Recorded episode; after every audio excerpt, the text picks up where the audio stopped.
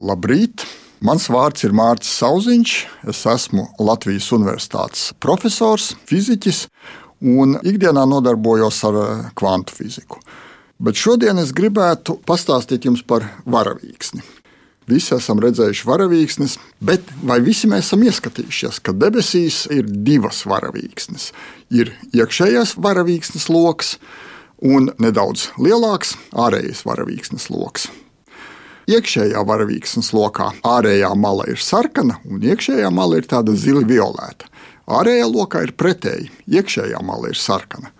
Debesis starp abiem varavīksnes lokiem ir tumšākas, Vēl uzmanīgāk skatoties, varam ieraudzīt, ka iekšējā varavīksnes loka iekšējā malā, ja varavīksne ir ļoti spilgta, mēs varam ieraudzīt tādas spilgtas, gaišas josliņas.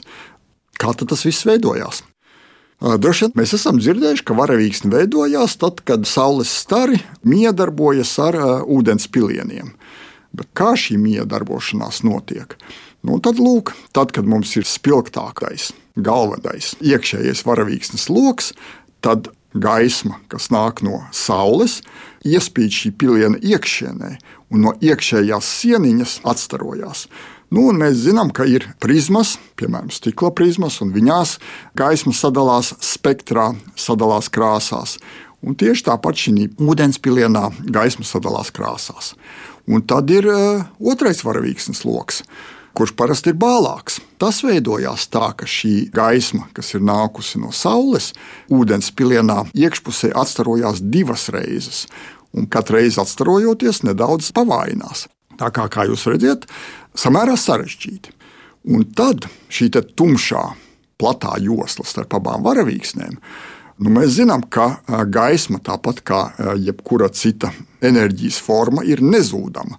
Ja mums radās šīs divas varavīksnes, gaismai no kaut kurienes vajadzēja rasties, būt no kaut kurienes savāktai. Un tā vieta, no kurienes viņa tika savākta, ir šī tumšā josla starp abām varavīksnēm. Un visbeidzot, šīs spilgtās josliņas radās no vēl vienas interesantas fizikālas parādības - interferences, kad viļņi var viens otru pastiprināt vai pavājināt. Un tad šī iekšējā lokā, spilgtajās josliņās, tās ir tās vietas, kur gaismas viļņi interferences rezultātā tiek pastiprināti. Nu, tur, kur viņi attiecīgi viens otru dzēš, tur šeit iekšienē ir tumšās joslas. Tā veidojās varavīksne. Bet šobrīd es jums pastāstīšu par vēl vienu interesantu dabas parādību - saules suņi. Varbūt, jūs esat pamanījuši, ka kādreiz vasarā blakus saulē parādās tādas divas papildus saules, ja gribiet. Visbiežāk sānos, bet ne tikai sānos. Tad kā viņas veidojās? Ja varavīksni veidojās gaismai, atstarojoties no ūdenspilieniem, tad šie saules suņi veidojās gaismai atstarojoties un lūstot ledus kristālos. Jo brīžiem gadās, ka šie lietus pilieni sasalst. Viņi sasalst tādās sešstūra plāksnītēs. Tāpat kā sniega pārsliņas, ka viņas ir tādas sešstūrainas, bet šeit ir vienkārši sešstūraina plāksnīte. Un tad, kad šīs sešstūrainās plāksnītes krīt gaisā, un mēs zinām, ja mēs papīra lapai ļaujam, piemēram, krist no galda, viņa nekad nekrīt ar kanti uz leju. Viņa tā horizontāli, varbūt brīžiem pat šūpojoties pa labi, pa kreisi, krīt uz leju. Un tā arī šīs sešstūrainās ledus kristāliņu plāksnītes, krītot atmosfērā, visas skaisti horizontāli orientējās, un viņos lūstot gaismai, noteiktos virzienos viņa pastiprinās. Un mēs ieraugām sānos šos saules suņus, tādēļ, ka šie ledus kristāliņi tā ir orientēti. Bet gadās vēl interesantāk. Piemēram, šie ledus kristāliņi var kļūt aizvien lielāki un beigās ir kā tādi stabiņi. Un, ja šie stabiņi krīt gaisā, nu tad viņi kā tādas, piemēram, spalviņas. Spalviņas arī nekad nekrīt ar spalvas spico galu uz leju. Viņas arī tā horizontāli krīt. Un tad šie garenie kristāli eh, novietojas atkal horizontāli, un rezultātā tagad gaisma lūž šajos garanajos kristālos un izveidojās saules suņi virs saules un zem saules. Brīžiem mēdz būt abi, jo mēdz būt tādi un citādi ledus kristāliņi.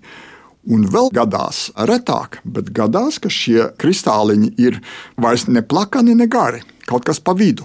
Un tad viņi Zemes atmosfērā, gaisā sāk orientēties katrs kaut kādā citā virzienā. Tad no dažiem viņiem radās šie saules suņi pa labi un pa kreisi no saules, no dažiem virs un zem saules, un no daudziem pārējiem visdažādākos virzienos. Un rezultātā izveidojās aplis, loks ap sauli. Parasti tas veidojās tad, kad mums izskatās, ka ap sauli ir tāda kā dūmaka. Un tādā veidā mēs redzam skaistu parādību saules suņus. Iespējams, ka šī rudenī vēl kādam no jums izdodas to ieraudzīt.